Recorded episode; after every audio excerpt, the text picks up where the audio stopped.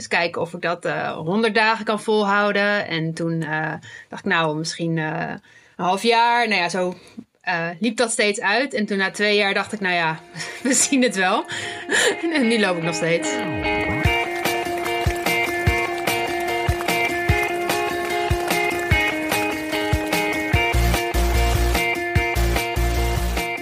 Welkom bij de 50ste, de 50ste aflevering van Suzy Q&A, de podcast over hardlopen, training en wedstrijden. Ik ben Oliver Heimel, hoofdredacteur van Runners World en aan de lijn heb ik Olympisch atlete Susan Crummins en straks ook Shiva Zanoli, die in alle 355 Nederlandse gemeentes wil hardlopen. Suzanne, eerst naar jou. Loop je weer een beetje? Ja, ik loop zeker weer een beetje. Niet zoveel dat ik uh, in alle 355... Zei je 355? Ja, volgens mij zijn het er 355. Dat zijn er echt veel. Ja, niet dat ik in zoveel gemeenten zou gaan rennen, maar ik loop wel weer, uh, nou ja, bijna iedere dag en meer dan 100 kilometer per week. Dus bij mij begint het wel een beetje op trainen te lijken. Dus daar ben ik wel blij mee. Maar eh, sterker nog, ik denk dat het zich grotendeels in één gemeente afspeelt. um, nou, ik, ik, loop natuurlijk wel van uh, Noord-Holland naar Utrecht. Dus, ja, oh ja, wacht. Ja, ja. dus uh, uh, rondje Lage Vuurse, die, uh, die uh, komt al vaak in het repertoire voor, zeg maar, iedere dag. en soms loop ik hem dan de ene kant op en soms de andere kant. Dus dat is wel, zit wel afwisseling in. Maar waar ik een beetje op hint is eigenlijk dat je nog vrij veel op de loopband doet. nee, dat, nee, dat valt eigenlijk wel mee. Dat, oh. Ja, het, ik ben wat meer buiten gaan lopen, maar toen werd het opeens slecht weer. Dus toen, toen moest ik wel weer wat meer binnenlopen. Maar nee, het is een beetje zo om en om. Dus dat is. nee, ik kom, ik kom zeker ook nog wel buiten, gelukkig. Want over dat uh, slechte weer gesproken. Wij kregen veel uh, vragen over, uh, nou slecht, ik weet niet of het slecht is, maar over de, de, horrorwinter die eraan staat te komen. Of misschien al wel begonnen is als we dit uitbrengen. Het gaat namelijk sneeuwen. Oh, ja, niet zo mooi. Hou je van sneeuw? Nee, helemaal niet. En, en ja, normaal ben ik natuurlijk in, in januari ben ik sowieso niet in Nederland. Dus ik, ik ben ook al heel lang niet meer echt hier geweest toen het heel slecht weer was. Want op een of andere manier dan, nou, in begin februari, dan heb je soms nog wel eventjes sneeuw, maar dan, dan wordt het al snel warmer. Dus ik ben het ook niet meer zo gewend. En, en afgelopen maandag was het natuurlijk opeens ijzel. En toen uh, dacht ik van ja, ik ga me gewoon warm aankleden. Ik ga gewoon buiten trainen. Even geen mietje zijn ik ga het doen. Lekkere playlist op. Ik voelde me helemaal gewoon gemotiveerd om dit te doen. En toen liep ik naar buiten en toen uh, dacht ik, ik wandel eerst even tot de hoek. Want mijn moeder had me al gewaarschuwd dat er iets van ijzel was. En ze dacht van, dat, dat weet Suzanne natuurlijk niet. Dat kent ze niet, want die is al echt 15 jaar niet in de Nederlandse winter geweest. en, uh, en toen dacht ik, ik wandel even tot de hoek. En toen gleed ik gewoon uit terwijl ik aan het wandelen was. En nou, ik vind mezelf wel gewoon op. Maar dat is op een plek waar ik normaal al aan het rennen zou zijn. En toen ben ik meteen omgedraaid en dan ben ik binnen gewoon op de loopband gaan staan. Want ja, ik ben wat dat betreft wel een beetje verwend. Ik heb natuurlijk uh, ik heb een, uh, een mooie live fitness uh, loopband in mijn woman cave staan. En ja, die gebruik ik nu wel veel. En toen ben ik daar toch maar gaan trainen. Maar ja, de dagen dat kan... Op plezier van de onderburen.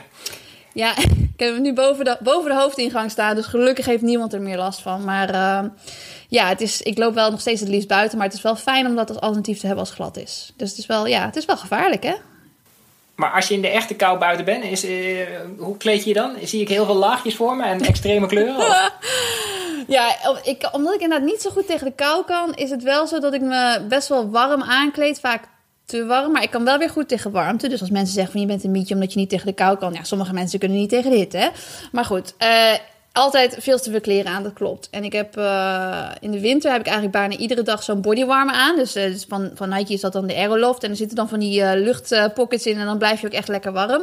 En dat vind ik fijn. En er zitten ook zakken in, dus dan kun je altijd je telefoon meenemen. Dus dat is handig. Maar wat ik ook vaak doe, en dat, is, ziet echt helemaal niet hip uit, is zo'n hoofdband, weet je wel, die je over je oren doet. En dan een pet eroverheen. Heb ik, heb ik wel eens een discussie gehad ook met, met een Britse loopster, Hannah England. Uh, en die zei altijd van, ja, jij doet je pet over de hoofdband. En zij zo, ik doe het altijd andersom. De eerste pet op en dan de hoofdband eroverheen. En dat ziet er natuurlijk ook verschrikkelijk uit. En zij zo, nou, dat isoleert de pet wel, ja. Dat, ja, en dan blijft de pet ook Daar gewoon, moet ik Hanna wel... Blijft het gewoon goed vastzitten als het heel hard waait. Dat was haar reden. Dat, is, dat kan natuurlijk, ja, als je in Engeland woont, dan, dan zal dat wel belangrijk zijn. Maar in ieder geval, die combinatie die vind ik altijd uh, te gek. Want als er dan geen regen of sneeuw of wat dan ook in je gezicht komt, dan voel je je al warmer en dan blijven je oren lekker warm. Maar ja, ik zie er echt uit als zo'n, uh, ja, weet ik, als een otter of zo. Want er zit gewoon allemaal helemaal strak in. maar dat, dat is wel echt wat ik echt altijd doe uh, in, de, in de winter als het, als het regent of als het sneeuwt. En wat nog meer? Oh ja, lang sokken. Lange sokken. Ik zag het vanochtend nog. Ik zag gewoon iemand rennen die gewoon wel helemaal warm aangekleed was. Gewoon helemaal muts en weet ik wat allemaal.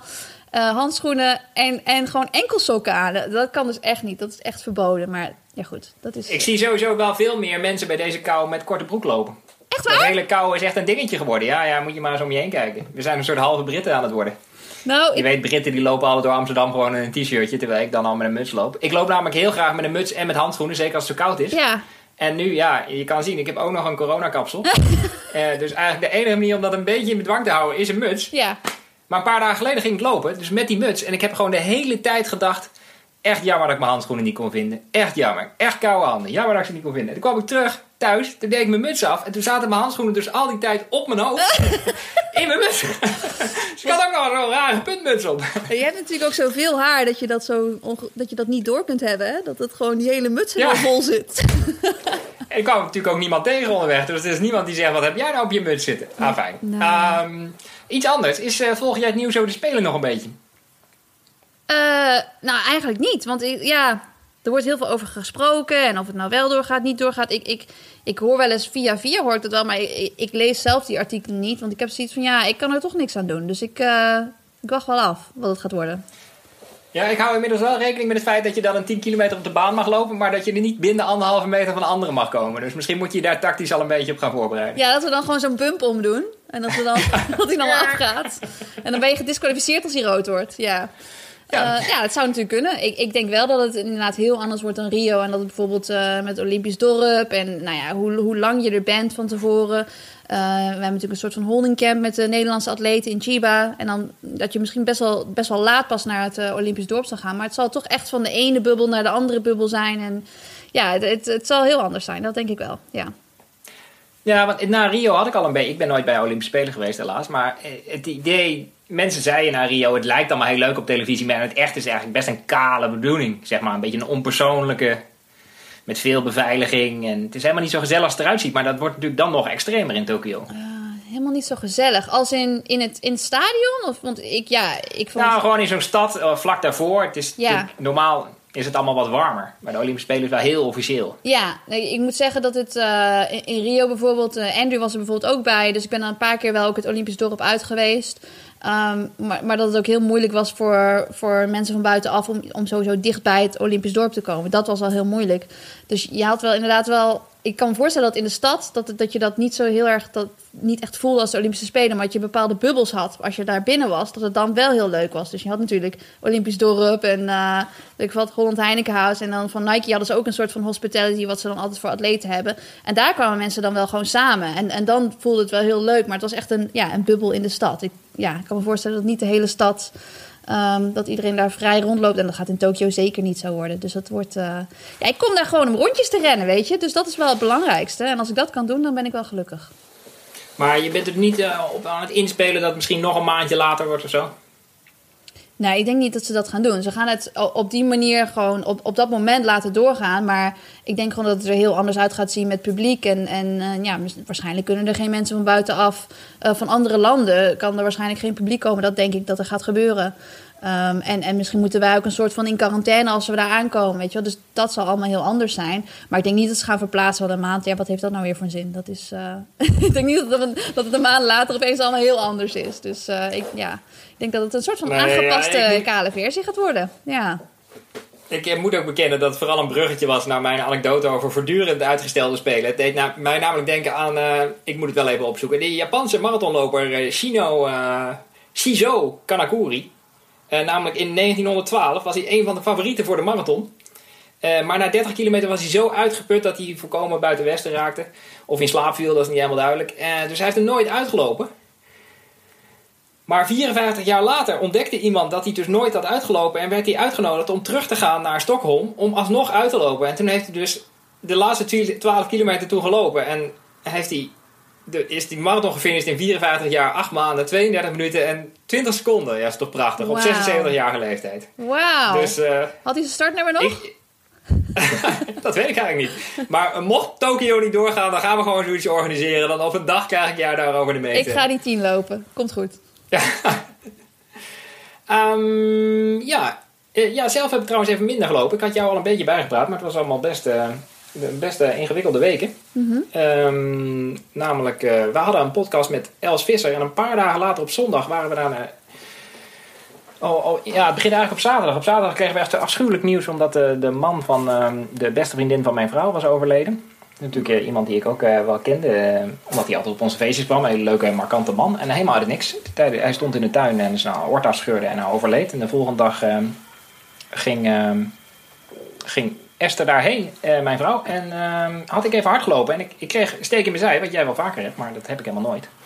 Eh, dus ik stopte wat eerder. Maar goed, dat had ik normaal nooit verteld in de podcast. Al, ik, ik stopte en eh, ik liep naar binnen en ik ging even plassen. En toen plas ik dus onwijs veel bloed. Echt onwijs veel. En ook helemaal rood. Oh jee. En tien minuten later nog een keer. Ja, toen begon ik me toch wel een beetje zorgen te maken. Maar ik dacht, ja, om nou Esther te bellen. Terwijl ze daar is, is ook lastig. Maar ja, de andere kant was ik ook wel een beetje bang geworden van het verhaal. Want als iemand die je goed kent uit het niks overlijdt, dan ja, denk je natuurlijk ook, wat is hier allemaal aan de hand? Dus ik ging er toch maar bellen en toen ging ik naar de huisartsenpost. En eh, daar konden ze natuurlijk niet zoveel voor doen. Dus de volgende dag naar de huisarts. Nou, die, eh, die zei ook, het kan gewoon gebeuren als je hard loopt en je put jezelf helemaal uit en je hebt een lege blaas, dan kan je soms bloeden. Dat had ik wel vaker van mensen gehoord, maar ja, ik zei maar, ik heb me echt niet uitgeput. Ik liep gewoon een klein, heel klein stukje, dat doe ik op zich iedere dag. Eh, dus hij zei, nou, dan stuur ik je toch even langs de uroloog, vooral omdat je ook steek in je zij had. Ja, toen kwam ik eh, bij de uroloog. En eh, dat was ook allemaal routine. Hij had een foto laten maken van mijn nieren. En hij zei, ja, je bent een hardloper. Dus dan kunnen we heel mooi in die foto kunnen we alles zien zitten. en nou, dat was allemaal goed. En toen zei hij, maar voor de zekerheid wil ik toch nog even met een camera in je blaas kijken. Dat was een beetje een tegenvaller. Want dat, dat, dat moet natuurlijk via een, een, een uitgang die geen ingang is, zeg maar. Dus voor ik het wist zat ik in een andere kamer. En werd ik helemaal klaargemaakt. Toen zei ze, ja, kunt u uitkleden? Dan moet je met je benen in zo'n klem. En ik zei op een gegeven moment, ja, sorry, ik, ik heb het gewoon heel erg benauwd, maar dat komt misschien door mijn mondkapje. En toen zei die vrouw, nou, u heeft uw muts ook nog op. toen bleek dus dat ik al die tijd in het Ook, ja, met die gekke muts op zat, maar nu dus zonder kleren met muts.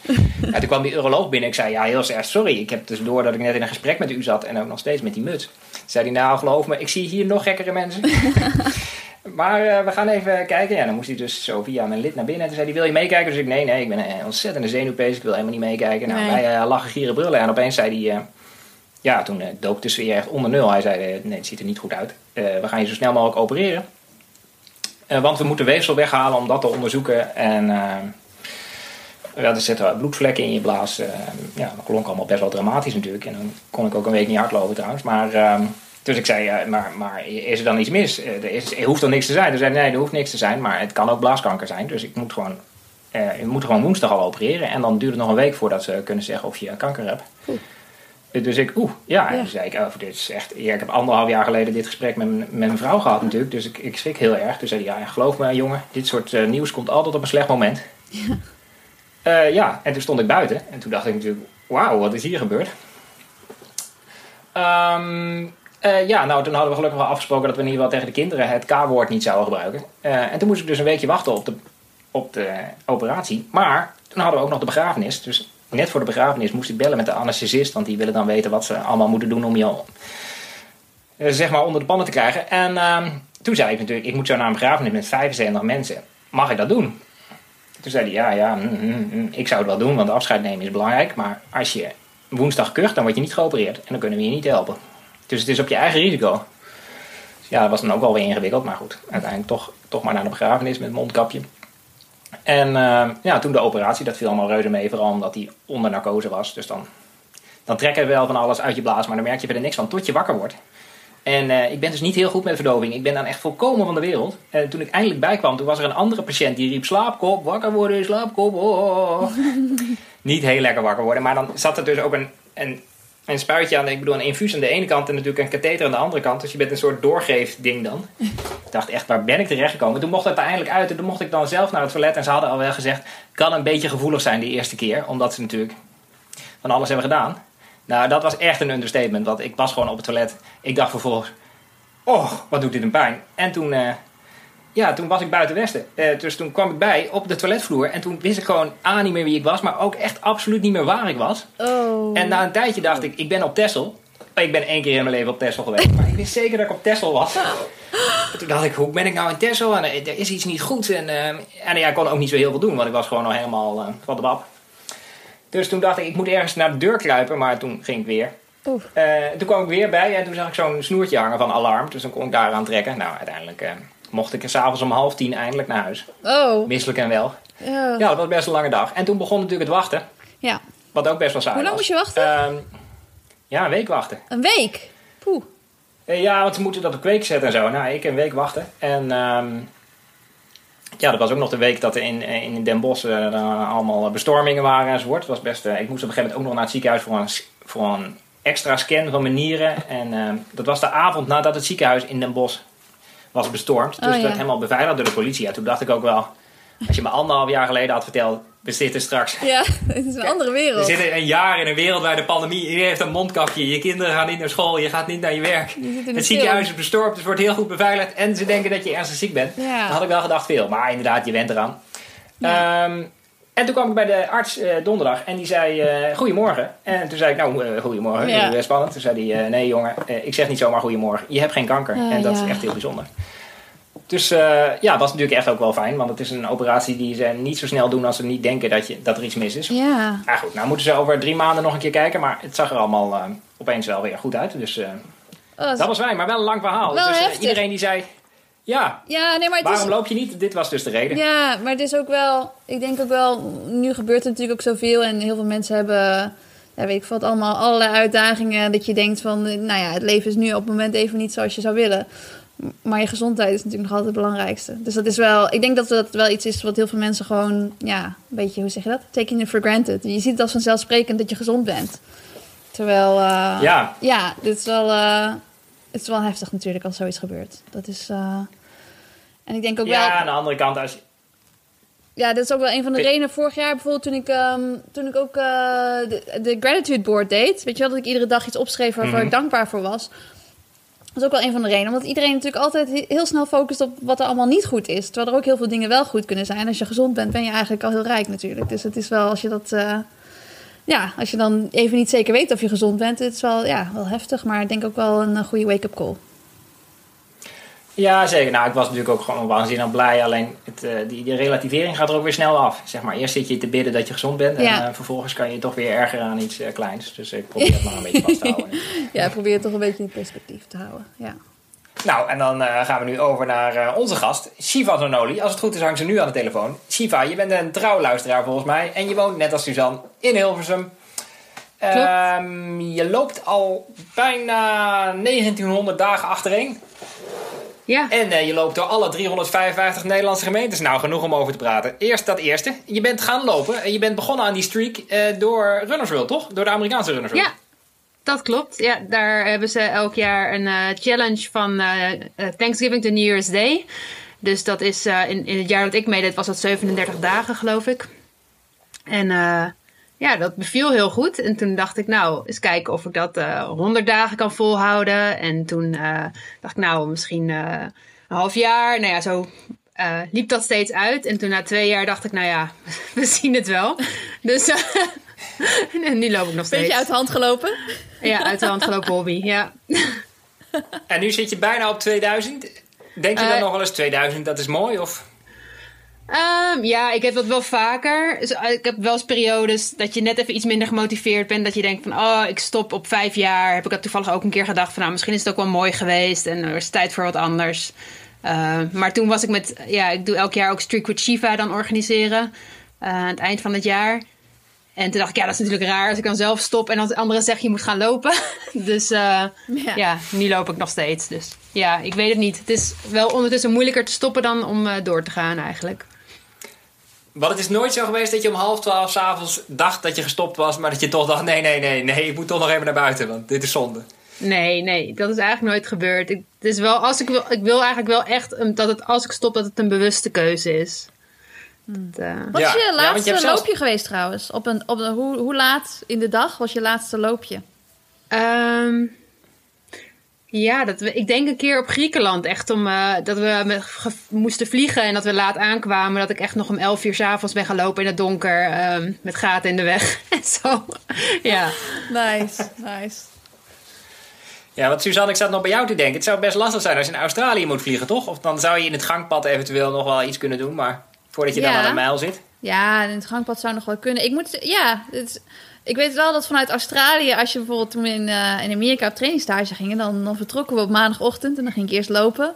En dan, eh, dan vloog je, ging je de hele dag vliegen en dan kwam je daar aan. En dan was het weer maandagochtend. Dus dan kon je echt superveel trainingen in één dag doen. Dus dat was wel leuk. Maar inderdaad, als je die kant op gaat, dan, eh, ja, dan verlies je een dag. Dus dat is... Ja. eh, dan Ja, dan lastig. moet je Ja. misschien eh, in Azië ergens op het vliegveld eh je stopover. Eh Ja, misschien kun je dan Wat heb je een dat soort dingen gedaan? Echt op onmogelijke plekken? Nou, het valt wel mee eigenlijk. Nee, dat valt wel mee. Ik denk dat het wel. Die in Griekenland was toen wel een beetje spannend, omdat het echt donker was en ze hadden daar niet echt straatverlichting. En uh, dus dat, vooral omdat er echt gaten in de weg zaten, ook dacht ik, nou, ik breek straks echt mijn enkels af of zo. Maar het ging goed. Ja. En, uh, ja. Hoe ver heb je toen gelopen? Ja, niet zo ver. Volgens mij heb ik drie kilometer of zo gedaan. Uh. Ja. Want je moet, de regels zijn dat je een mijl moet lopen, toch? Dus ja, dan, de regels. Heb je eigenlijk nog het dubbele gedaan van wat je moest doen. Ja, precies. De regels vanuit Runners World, waar ik ooit mee begonnen is, is minimaal een mile, inderdaad. Ja. Ah, dat is wel een mooie afstand. Daily maal, hè? Ja, precies. Ja, ja, precies. Ja. ja. iemand vroeg me nog wat de langste was, maar dat is Ron Hill, geloof ik, met 52 jaar. Ja, die heeft, nou, die heeft echt heel veel, inderdaad. Uh, ja, dat, zover kom ik niet hoor, want hij is denk ik jonger begonnen. ja. Wauw. Ja, je moet behoorlijk oud worden, ja. ja. Hoe is het thuisfront er eigenlijk onder? Zeggen ze wel eens zo, mama, wat doe je nou? Of? Nou, mijn kind vindt het eigenlijk prima. Ik, mijn vriend heeft er meer af en toe uh, dat hij zegt, moet je nou, kan je, wanneer ga je nou eens een keer stoppen of zo? Maar die is ook wel trots hoor. Maar die heeft ook wel zoiets van, ja, wanneer ga je eens wat anders doen? of zo. ja. Want je deed dit al en toen kwamen die gemeentes er nog bij. Ja. Uh, nou, dat had ik eigenlijk ook in Runners World volgens mij of op de website voorbij zien komen. Uh, dat, uh, oh, wat doen we je aan? Ja, Sorry. het is allemaal jullie schuld. um, dat die app of die website beschikbaar was gekomen voor hardlopen ook, in plaats van alleen voor wielrennen. En toen dacht ik, nou, het was wel... dus een app dat je kon zien welke gemeentes je liep. Ja, het is een, een website inderdaad. dan kan je Strava linken met die website en dan zie je automatisch in welke gemeentes je hebt gelopen. Dus dat heb ik gewoon gedaan om te kijken waar, waar heb ik eigenlijk allemaal al gelopen. En toen leek me dat gewoon leuk om af en toe eens uh, nou ja, ergens anders heen te gaan. Om daar dan nog een gemeente mee te lopen. En dat was niet heel van, oh dat ga ik heel fanatiek doen. Maar ja, toen kwam corona en toen viel al het andere weg. Alle wedstrijden en nou ja, alles. Zo'n beetje. Dus ja. toen dacht ik, nou dan gaan we daar wat, maar wat fanatieker mee aan de slag. Ja. Wat, maar dan moet je ook naar de Waddeneilanden en zo. Klopt, ja. ja. Ik moet uh, alleen Schiermonnikoog nog en de andere heb ik al gehad ondertussen. Ja. Hoeveel heb je die wel los van elkaar gedaan Sorry. of gewoon met een bootje? Nee, nee, nee. Ik heb dan ging ik, uh, naar Texel ben ik gewoon een dag heen en weer geweest. Maar de andere eilanden ben ik dan een weekendje heen geweest. En dan uh, gewoon daar lopen. Ja. Fantastisch. Ja. En ik hoorde een paar radio's interviews met je. En iedereen vroeg je natuurlijk wat de mooiste en de lelijkste waren. Maar...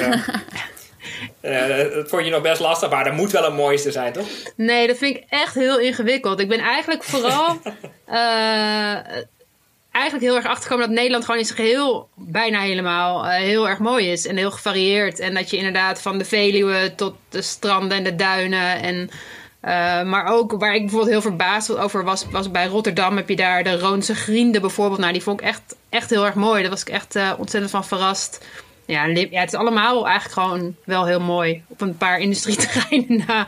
Ja.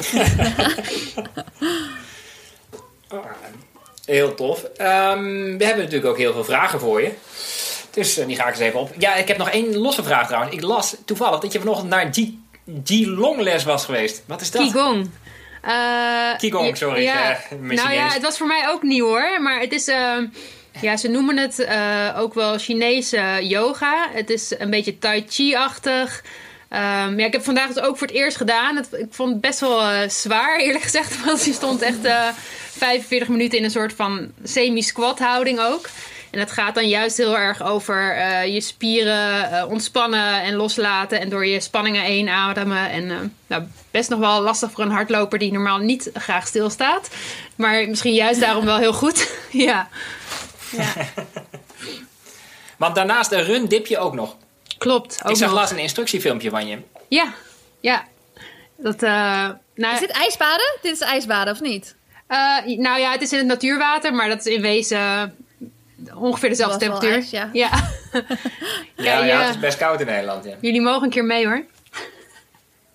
Maar hoe lang ga je Ja, dan in? Suzanne wil wel, maar... Ja, ik, ik wil dat zeker. Ik vind dat, ik vind het, ik vind, eh, je hoort natuurlijk wel zo mensen die koud douchen of zo. Dat, Mhm. dat vind ik heel moeilijk. Maar ik vind, eh, als ik in een ijsbad zit, ja, dat is eventjes natuurlijk vervelend als, het, eh, als je net aan begint. Maar na de hand voel ik me altijd wel beter. Dus. Klopt. Ja, nee, koud douchen vind ik ook echt verschrikkelijk nog steeds. Dus dat, ik ga echt veel, Ja. tien keer liever het, eh, het natuurwater in de zuwen zo, eh, dan dat ik eh, een koude douche neem. En het is goed voor het herstel natuurlijk. Maar ik kan me voorstellen, als je iedere dag loopt, ben je dan ook heel erg veel bezig met hoe je actief herstelt. Want ja, hoe, handen, ja, hoe hou je het anders vol om niet geblesseerd te raken en, en steeds weer eh, in ieder geval goed genoeg te zijn om in ieder geval een mijl te lopen? Ja, nou ja, om heel eerlijk te zijn, wisselt het een beetje. Ik meestal dan voel ik een eerste piepje aankomen en denk, oh ja, weer even goed gaan foamrollen en eh, nou ja, een beetje yoga doen en stretchen en... eh, maar over het algemeen luister ik aardig goed naar mijn lichaam. En dan heb ik zeg maar, ik loop wel elke dag, maar ik heb inderdaad ook die loopjes van een mile of drie kilometer die ik dan gewoon rustig loop. Dus dat is eigenlijk gewoon actief herstel. Het is niet dat het heel erg belastend eh, is of zo. Ja. Dus dat vooral. Maar je hebt wel een We paar keer gelopen, toch? Suzanne is jaloers. Maar, we hebben een beller. ah, fijn. We gaan naar het eerste segment. Als Suzy stuur je vragen en probeer hem te stellen. De eerste vraag komt van Elske Huisman, denk ik. Eh, allereerst complimenten voor Shiva. Dat is altijd lekker, toch? Ja. Ehm, da- daarnaast ben ik wel, wel benieuwd of ze alleen voor zichzelf loopt... of inmiddels ook zoiets van druk voelt. Want ja, je moet toch door met die streak. Nou, ja, echt druk voel ik niet of zo van buitenaf. Ik denk dat er meer mensen het zouden snappen dat ik stop... dan dat ze snappen dat ik eh, elke dag loop. Ehm, maar het is ondertussen wel een soort van deel van me of zo... waardoor het wel, eh, wat ik al zei... Ja, als ik nu een dag niet loop, dan is mijn streak voorbij. Dat, ge dat geeft meer in mijn eigen hoofd een soort van druk... dat ik denk, ja, dat is, dat is toch eigenlijk zonde of zo. Terwijl, ja... Wat maakt het ook uit? ja. Maar eh, ja, nee, ik- ja, zolang ik me er goed bij voel, wil ik het wel gewoon blijven doen. En eh, ja, het is ondertussen ook wel. ehm, werd me al eerder gevraagd, is het ook een verslaving? Ja, waarschijnlijk ook wel een beetje. Ja. Ja, dat hoorde ik bij Radio 5 volgens mij, bij Daniel Dekker. Maar dat, dat is ons lot hè, als lopers. Als mensen horen dat je veel loopt, dan moet je altijd hele kritische Ja. vragen beantwoorden. Ja, nou, er zijn ook, ook onder de lopers wel mensen hoor, die zeggen dan: is het niet dwangmatig of is het niet een verslaving? Dat ik denk, ja, er zit misschien wel wat in. Maar voor mij is verslaving ook wel echt iets eh, waar je heel veel negatieve gevolgen van krijgt. Dus, eh, en ja, ik, ik hou niet voor niks al vijf jaar ruim vol. Dus dat zegt toch wel dat ik redelijk goed met mijn lichaam omga, denk ik. Ehm, ja, het enige is dat mijn vriend nog wel eens piept dat ik weg ben. Te veel. Nou ja, goed. Ik denk dat het wel meevalt, zeg maar. Eh, Over het algemeen is het een half uurtje per dag. Dus ja, eh, Ja. is het overzien. Ik zeg altijd, ik, ik adem ook al 44 jaar. Dus is ja. maar net wat je verslaving noemt. Ehm, ik krijg natuurlijk ook veel vragen over wat de laatste negen gemeentes dan zijn. En waarom dat de laatste zijn. En wat de allerlaatste wordt. ja, daar moet ik eigenlijk dat lijstje even, want dat weet ik eigenlijk niet eens. Want zo, ik ben niet zeg maar bewust aan het ehm, op een bepaalde volgorde. Of eh, het is echt net een beetje eh, hoe het uitkomt, waar ik in de buurt ben. Of wat. eh, in het begin was het gewoon een beetje wat. Ja, ik woon gelukkig centraal. Dus dan ging ik gewoon ja, wat het dichtst bij in de Ja. buurt was. En dat werd steeds een beetje verder. En dat was eigenlijk best wel random, net waar ik zin in had. Maar liggen ze allemaal, allemaal verspreid dan, die laatste? Eh, ik moet nu de Schiermonnikoog nog, dat is Friesland. Eh, en daar ga ik, eh, heb ik toevallig net een weekend geboekt voor 4 maart. Dus dan ga ik daar lopen, dus dat weet ik. Ehm, En voor de rest is het Zuid-Limburg, echt nog vier gemeentes. En Noord-Brabant. En die liggen wel redelijk dicht bij elkaar. Dus ik denk ook wel zeker die in Zuid-Limburg... dat ik die dan in één dag maar twee rondjes ga doen. Want dat is wel echt twee uur rijden ook. Ehm, dat we dat dan maar in één keer eh, lopen. En de, en de laatste, heb je dan bepaald welke, welke je als laatste wil doen? Is dat, want dat moet natuurlijk wel een beetje, eh, dat wordt eh, feestelijk onthaald, toch? Ja, dat, nou, dat werd me dus eerder ook gevraagd. Maar daar heb ik eigenlijk niet zo. Het, het voelt niet zo als ik dan, dan een feestje moet geven of zo. Want het is misschien wel net Ja. als met mijn runstreak. Ik ben juist doordat ik overal ben gaan lopen, erachter gekomen dat het super mooi is. En dat er Ja. nog zoveel gebieden zijn waar ik niet ben geweest. Dus eigenlijk wil ik gewoon nog meer op ontdekking. Alleen niet meer per se met gemeentes. Ja. Ja. Want er is niet één hele exotische gemeente die we allemaal niet kennen op een boorplatform of zo. Dat je zegt, die vergeet iedereen altijd. Ja, Hilversum is natuurlijk het allermooiste. Dat moet ik eigenlijk gewoon zeggen. Ja, ja, precies. Je, je hebt twee liefhebbers aan de lijn. Dus, Ja, het is hier ook wel echt heel erg mooi. Suzanne. Ja, ze- ja, ik mis het nog elke dag. Eh, alleen de hei dan, hè. Ehm, een, een vraag voor Suzanne. Ik heb eh, last van een vervelende runnersnie, vraagt eh, Wouter Noé. Met tal van oefeningen wordt het langzaam beter. Inmiddels 12 kilometer zonder pijn. Mijn vraag is, wat denken jullie dat een grotere rol speelt in het ontstaan en oplossen van deze blessure? Sterkere heupen en billen? Of stabiele keten van de heup, bil, bovenbeen, knie, enkel en voet? Nou Suzanne, deze moet jij voor mij beantwoorden. Want bij het woord stabiele keten wordt het al moeilijk voor me. Ja, weet je, ik heb zelf eigenlijk nog nooit eh, echt problemen gehad met mijn knie. Dus, dus dat is wel iets. Ja, daar ben ik, Ik, niet ik zo. klop hem voor je af. Nee, ik ben daar niet zo bekend mee. Ik ben vooral bekend met, met natuurlijk Achillespeesblessures. En dat is gewoon omdat dat dus zwakker is in de keten. Maar ik denk dat een sterke keten, dat dat natuurlijk altijd helpt om blessures te voorkomen. Ehm, ja, en daarnaast denk ik dat, dat, dat zeg maar rollen en ervoor zorgen dat je bijvoorbeeld je IT-bands en zo en je, en je bovenbeen dat die goed los blijven, dat is wel belangrijk. Maar ja, om, om nou te zeggen, dit is, dit is de enige reden dat je zo'n blessure krijgt. Het is natuurlijk uiteindelijk overbelasting waarbij je ja, je keten niet helemaal lekker beweegt. Dus ja, sterker worden, eh, goed rekken, rollen, ehm, goede warming-up doen, dat soort dingen zijn gewoon belangrijk. Ook bij knieblessures, denk ik. Ja, dat lijkt me een heel goed antwoord. Nog een tweede vraag van eh, eh, Wouter Noé overigens. Voor mijn dochter Noralie werd geboren. Heb ik 5 kilometer gelopen in 1845. Nu heb ik minder tijd en energie om intensief te trainen. Nu ben ik terug op 19 minuten en een beetje, maar nog niet terug op mijn oude niveau. Is er een manier, een gouden tip voor jonge vaders om snel tijdwinst te boeken en weer onder de 18 minuten te komen? Nou, Olivier, die is voor jou. Ja, ik ben ook een jonge vader geweest, ja. Maar ja, weet je, als er shortcuts waren, dan had ik ze ongetwijfeld ook wel genomen. Eh, dus eh, nee, gewoon eh, om met Barry Stevens te spreken, gewoon doorgaan. Eh, en dan, eh, dan komt het wel weer. Ja, zelf ben ik wel fan van snelheidstraining. Vooral om als je een stukje heel hard loopt, dan, eh, dan lijkt vervolgens alles langzaam. Dat mentale voordeel wel eens- wordt wel eens onderschat. Ja. Maar heb je dat ook niet als je zeg maar. Ja. Ik zie jullie instemmend knikken. Dat, dat geeft me hoop.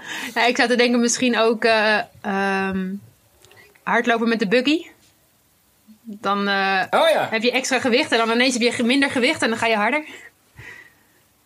Kijk, jij, jij, je combineert gelijk het jonge vaderschap. Daar eens. En je kind slaapt ook heel goed in de buggy. Helemaal in één keer klaar. Ja. Ja. Ehm, een vraag van Run Hedwig, die zich een beetje advocaat van de duivel voelt, maar aan Shiva vraagt: Denk je nou nooit als je pijn of een blessure hebt, misschien is het beter om mijn lichaam even te laten herstellen? Ja, die Ja. vraag krijg je ongetwijfeld ook vaker. Ja, die krijg ik vaker. En ik denk dat Hedwig, ik zou met Hedwig eh, eh, gaan lopen zondag. en ik heb een beetje last van Dus mijn dat knie op het moment. dus ik Oh. heb Kijk. Knie. Oh. Ja, het is een, bij mij dus wel een. eh, als ik ergens last van heb, dan is het een piepje in mijn knie. En normaal ga ik dan, als ik dat begin te voelen, naar mijn osteopaat. Maar ja, dat is dus nu eh, geen noodzakelijke zorg, hebben ze bedacht. Dus daar kan ik niet heen, helaas. Ehm, dus, want die is niet open vanwege COVID. Ehm, Ah, dus ik denk dat zij daar een beetje op, eh, op duidt. Dat ik niet nu 2,5 uur met haar kan lopen. Ehm, nee, ja, ik weet niet. Het is. eh, ik heb nog niet het idee gehad dat ik mezelf stuk loop. Eh, ik heb wel eerder last van mijn knie gehad. Ook naar bijvoorbeeld Frankfurt Marathon. En toen heb ik wel doorgelopen. Maar inderdaad, twee of drie weken lang alleen maar die kleine stukjes. Twee kilometer. Dat mocht ook gewoon van mijn osteopaat. Die zei dan, zolang jij geen pijn hebt tijdens het lopen en na het lopen, dan is het oké. En dat ging zeg maar goed. Dus als ik echt ga lopen en het doet alleen maar zeer, ja, dan moet ik natuurlijk overwegen wat, wat belangrijker is. En dan is het natuurlijk mijn gezondheid. eh. Maar ik ben nog niet op een punt Ja, geweest dat ik dacht, ik loop mezelf nu stuk. een belangrijke grens voor mij zou zijn: zo ga je zo'n infuuspaal mee moet nemen terwijl je hard loopt. Dan, dan weet je dat het echt een beetje te ver is gegaan. ja. Ja. Ehm, en, en een vraag van Mandy Evers, of het is eigenlijk een opmerking. Kom je lekker bij mij lunchen en proosten op, op de laatste gemeente? Ja hoor. Nee, het is hard verwarmend. Hey. Ik weet niet of je Mandy kent, maar we, we gaan Ja. gewoon mee. Ehm, Je bent vast welkom. Sander Grootmans eh, vraagt eh, welke gemeente je in positieve of negatieve zin heeft verrast. Ja, je vertelde al, de, ik zou het niet kunnen reproduceren, maar iets in Rotterdam was heel mooi. Ja, De- bij Roonse Grienden. Dat vond ik echt heel erg Oh, ja. mooi. ja. dat eh, heeft me echt heel erg verrast. Dan ga ik ook zeker nog een keer terug met mooie weer. En dat zijn bevers schijnt. Dat vond ik helemaal tof. Dus dat wil ik nog Zijn er wel eens eh, hele gekke dingen onderweg gebeurd in deze. In, Nee, het valt eigenlijk wel mee. Gewoon, ik heb, ben heel veel wel alleen geweest. En eh, oh, toen de uh, horeca wel open was, ging ik dan wel vaak lunchen. En ik heb wel hele leuke gesprekken dan gehad. Als mensen dan vroegen wat ik kwam doen. En dan waren ze maar, oh, alle gemeentes. En, terwijl voor mij, dat is nu ook een beetje met alle aandacht die het krijgt. Het voelt een beetje gek, want het is, ik vind het gewoon leuk. En het voelt niet alsof ik nou zoiets heel erg bijzonders aan het doen ben. Het is gewoon um, ja, leuk om te doen, zeg maar. Dus, ja. Nou ja, iedereen wordt gewoon heel vrolijk van dat je een leuk verhaal hebt om te vertellen. Ja, toch? ja, dus eh, dat vooral. Ja. Denk je trouwens dat als je heel Nederland hebt gehad, dat je dan ook uh, alle landen van Europa gaat proberen of zoiets? Nou, dat is een beetje ver. Maar die website is wel ook gemaakt voor België en Luxemburg. dus, uh, Ah. dus wie weet. Maar ik denk niet dat mijn vriend daar heel blij van wordt. dat is wel heel ver, elke keer. Ja. Nou, Luxemburg is wel vrij compact. Ik zou dan eerst Luxemburg doen. Denk Ja. ik. Dan kan je in een paar dagen wel behoorlijk ver komen. ja. Ehm, dan een vraag voor Suzanne eh, van Tijn Piest. Hoe kan je niet gemotiveerd raken door Strava-segmentjes? Ja, Suzanne, zeg dat maar eens. Dit, heeft hij, dit, eh, dat komt natuurlijk van. Ik, doe wel eens van die, eh, van die video's voor de Zevenheuvelenloop met, met tips. En daar heb ik iets in gezegd, denk ik. Over ehm, dat je je niet eh, blind moet staren op wat anderen doen. Dus niet, niet constant zo van, nou ja, deze mensen zeggen dit op Strava of dat. Je kunt je motivatie ook van andere dingen halen. Maar eigenlijk is het vooral omdat. Ik vind Strava vind ik wel leuk, maar iedereen loopt die segmenten natuurlijk onder andere omstandigheden. Iemand kan helemaal eh, een lange duurloop doen en in een lange duurloop een segment lopen. Of iemand kan naar het bos wandelen en eh 100 meter sprinten en dan het segment pakken en compleet uitgerust en helemaal getaperd voor die ene dag om daar te pieken. Dus ik vind dat je dat ja, eigenlijk heel slecht met elkaar van, kan vergelijken, toch? En dat is natuurlijk het mooie aan Ja, dat wedstrijden. maakt het ook je wel zo leuk, zeg maar. ja, wel, bij wedstrijden heb je natuurlijk op dezelfde dag, dezelfde omstandigheden, loop je dezelfde wedstrijd. Dus, maar ik zeg niet dat ik niet gemotiveerd daardoor raak. Maar ik denk dat je je motivatie ook uit andere dingen kan halen. En dat, het niet, eh, ja, dat je niet zo moet blind staren op als iemand anders harder loopt op een bepaald segment. Van nou ja, daar ben ik niet goed bezig. Je bent waarschijnlijk zelf ook goed bezig. Sowieso als je gaat lopen natuurlijk. Maar ehm, ja, dat was het eigenlijk denk ik. Dus Eh, daarnaast kregen wij natuurlijk veel vragen of je ons kan overhalen tot run, dip, run. Maar hoe ben je zelf overgehaald tot zoiets eigenlijk? Ehm, ik ben denk ik zeven jaar geleden begonnen met eh, dat ik meedeed met een onderzoek voor koud afdouchen. Van het- ik weet even niet meer of het UMC of AMC was. Eh, waarbij ik dan 30 seconden moest afdouchen een maand lang. En dan hadden ze een test van tevoren en daarna om te kijken of het eh, positieve effecten had. Nou ja, dat, bleek dus Wim voor Hof mij. of niet? Ja, vanuit Wim Hof inderdaad eh, hebben ze dat onderzoek toen gedaan. Nou, daar kwam inderdaad zowel uit het onderzoek als persoonlijk uit dat ik daar wel allemaal positieve effecten van eh, ervaarde. Zoals eh, nou ja, meer energie, je wordt wakker, eh, je weerstand wordt beter.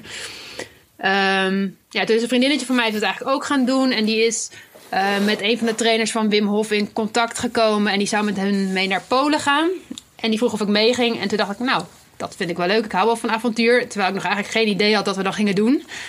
En dat bleek inderdaad dat we nou ja, in het ijswater van een waterval van het sneeuwwater ingingen. En eh, midden in de nacht eh, in je korte broek en je sport PH met een rugzak op eh Mount Chesna op moest lopen. En, eh, Ik heb daar een documentaire van gezien. Dat is mooi wel. In de sneeuw gewoon, hè? ja, Echt, ja, ja. Gevoelstemperatuur min mooie 23 uitdaging. als ik me goed herinner. Ja, Dus ja. wauw. Dus dat was, ja, was heel bijzonder. En ademhalingsoefeningen en zo. En nou, dat, sindsdien ben ik het eigenlijk blijven volhouden. En nog een keer naar Noorwegen geweest en naar Finland. En eh, ja, het is wel heel, heel fijn om te doen. Ja. Ja, nou, Suzanne heb je al over de streep. Nou, Nou, jij nog. volgende week, dan, eh, volgende week kun je, dan hoef je niet eh, helemaal een of andere berg op te klimmen. Dan kun je gewoon een rondje door Hilversum wandelen in de sneeuw. Met je korte broek en eh, blote voeten, toch? Ja, Dus precies. we hoeven niet in ieder geval niet ver weg ja. ervoor. Nee, klopt. Ik heb ook nog een vraag van Bjorn Paré voor jou, Suzanne. Wat, wat vind je van elke dag hardlopen? En ehm, eh, zijn eh, de dagen voor de wedstrijd rustdagen? Of wordt er elke dag eh, gelopen om het lijf in beweging te houden? Nou, wat, wat jij doet, dat vind ik natuurlijk gewoon... Dat vind ik zo knap. Dat is iedere dag hardlopen, dat zou mij sowieso niet lukken. Want ik raak natuurlijk altijd geblesseerd. Maar ehm, voor mezelf is het zo dat ik niet... Ik, ik, ik las niet per se zeg maar rustdagen in als het niet nodig is. Dus zeg maar vroeger als, als junior had ik in ieder geval iedere vrijdag vrij. En toen ik in Amerika trainde hadden we iedere zondag vrij. Dat doe ik nu niet. Dus zeg maar als ik eh, gewoon één, één duurloopje doe van eh, nou ja, drie kwartier of zo op een vrijdag... dan voelt dat voor mij eigenlijk als een rustdag. Want dat is minder trainen dan ik andere dagen doe. Ehm, maar voor belangrijke wedstrijden, dan loop ik eigenlijk meestal wel iedere dag ervoor. Ook omdat het een beetje bezigheidstherapie is. Want dan zit je natuurlijk ja, in een hotel of, of in een Olympisch dorp of waar dan ook. En dan is het eigenlijk wel fijn dat je dan je dag een beetje om die training heen kan plannen. En dat je dan ja, toch iets doet. Maar het is, het is inderdaad gewoon bezigheidstherapie dan. En het heeft er niet zoveel. Ja, het maakt niet uit of je nou wel of niet die dag loopt. Dat, voor je prestaties zal dat uiteindelijk niet uitmaken. Maar ehm, ja, wat zei je nog meer? Oh ja, ook over rustdag na de wedstrijd had hij het, geloof ik, hè? Ja. Ehm, ja, dat is eigenlijk na een groot toernooi en eh, dat is zo'n grote wedstrijd. Dan sowieso is het vaak dat de wedstrijd heel laat is en dat je pas echt heel laat slaapt. Dus dat je dan eh, de volgende dag best wel moe bent. Dus meestal loop ik de dag daarna loop ik sowieso niet. En ik weet nog van Berlijn bijvoorbeeld, toen had ik natuurlijk een zijsteek ook tijdens de wedstrijd dat ik dat ik de volgende dag wel wilde gaan lopen omdat ik nog een andere wedstrijd had. Dus ik wilde even gewoon nou, alle rotzooi uit de benen lopen. En dat ik gewoon niet kon lopen omdat ik nog steeds last had van die zijsteek en zo. En echt pas een paar dagen later was die vijf kilometer. En echt de ochtend van de vijf kilometer was pas de eerste keer dat ik ook echt weer kon lopen. Dus nou, dat was echt eh, net genoeg tijd tussen die twee wedstrijden. Maar normaal zou ik na een, eh, vooral na een 10 kilometer, dan zou ik de volgende dag eh, lekker gewoon rust nemen en lekker andere dingen doen. Dus dat is mijn streak al meteen weer voorbij. Ja, ik, ik vind het woord streak ook nog altijd een beetje moeilijk. Heb jij dat niet, Shiva? Dat het moeilijk is om te zeggen, ik ben een streaker?